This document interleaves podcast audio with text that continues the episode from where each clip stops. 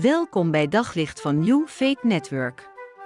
Luister elke dag naar een korte overdenking met inspiratie, bemoediging en wijsheid uit de Bijbel en laat Gods woord jouw hart en gedachten verlichten. Ook vandaag wil ik eh, iets delen over dieven die je vreugde kunnen stelen. Ik heb al gesproken over omstandigheden en dit keer zijn het mensen die je vreugde zouden kunnen stelen. We gaan naar Filippenzen 2, vers 1 tot 4.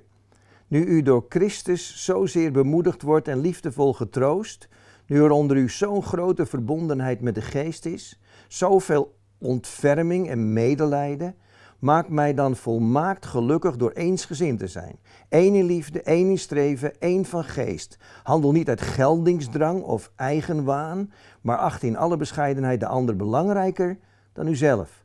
Heb niet alleen uw eigen belangen voor ogen, maar ook die van een ander.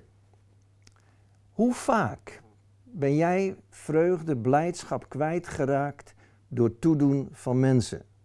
Mensen die wat vervelend zeiden, mensen die opmerkingen maakten waar je niks mee kon. Mensen zijn kennelijk in staat om vreugde en blijdschap te roven. En dat is triest, want eigenlijk is het niet zo belangrijk wat mensen van mij en jou vinden. Het zou veel belangrijker moeten zijn om erachter te komen wat God van ons vindt. En toch zijn we geen van allen ongevoelig voor de mening van mensen. Als iemand wat aardigs tegen je zegt, dan ga je fluitend verder. Maar als iemand iets heel naast tegen je zegt, kom je tot de ontdekking dat je lang niet zo vergeetachtig bent als je vaak gedacht hebt. Want als het pijn doet, kunnen we bepaalde dingen kennelijk heel goed onthouden. En dat is de reden waarom je vaak hoort, het is de schuld van mensen dat ik zo in de put zit. Het is de schuld van mensen dat dit mij overkomen is. En voor een deel heb je ook wel gelijk. Maar tegelijkertijd zeg je nu dat in principe mensen jouw geest kunnen bepalen, hoe jij je voelt. En dat is vreemd. Want als je werkelijk een relatie hebt met God zelf, dan is het belangrijker wat God zegt dan wat die mensen van ons vinden. En hoe komen we nou los van die overgevoeligheid voor mensen? En Paulus reageert erop. Hij zegt dit. Hij zegt in de eerste plaats staat Christus daar. In de tweede plaats zijn daar die medemensen.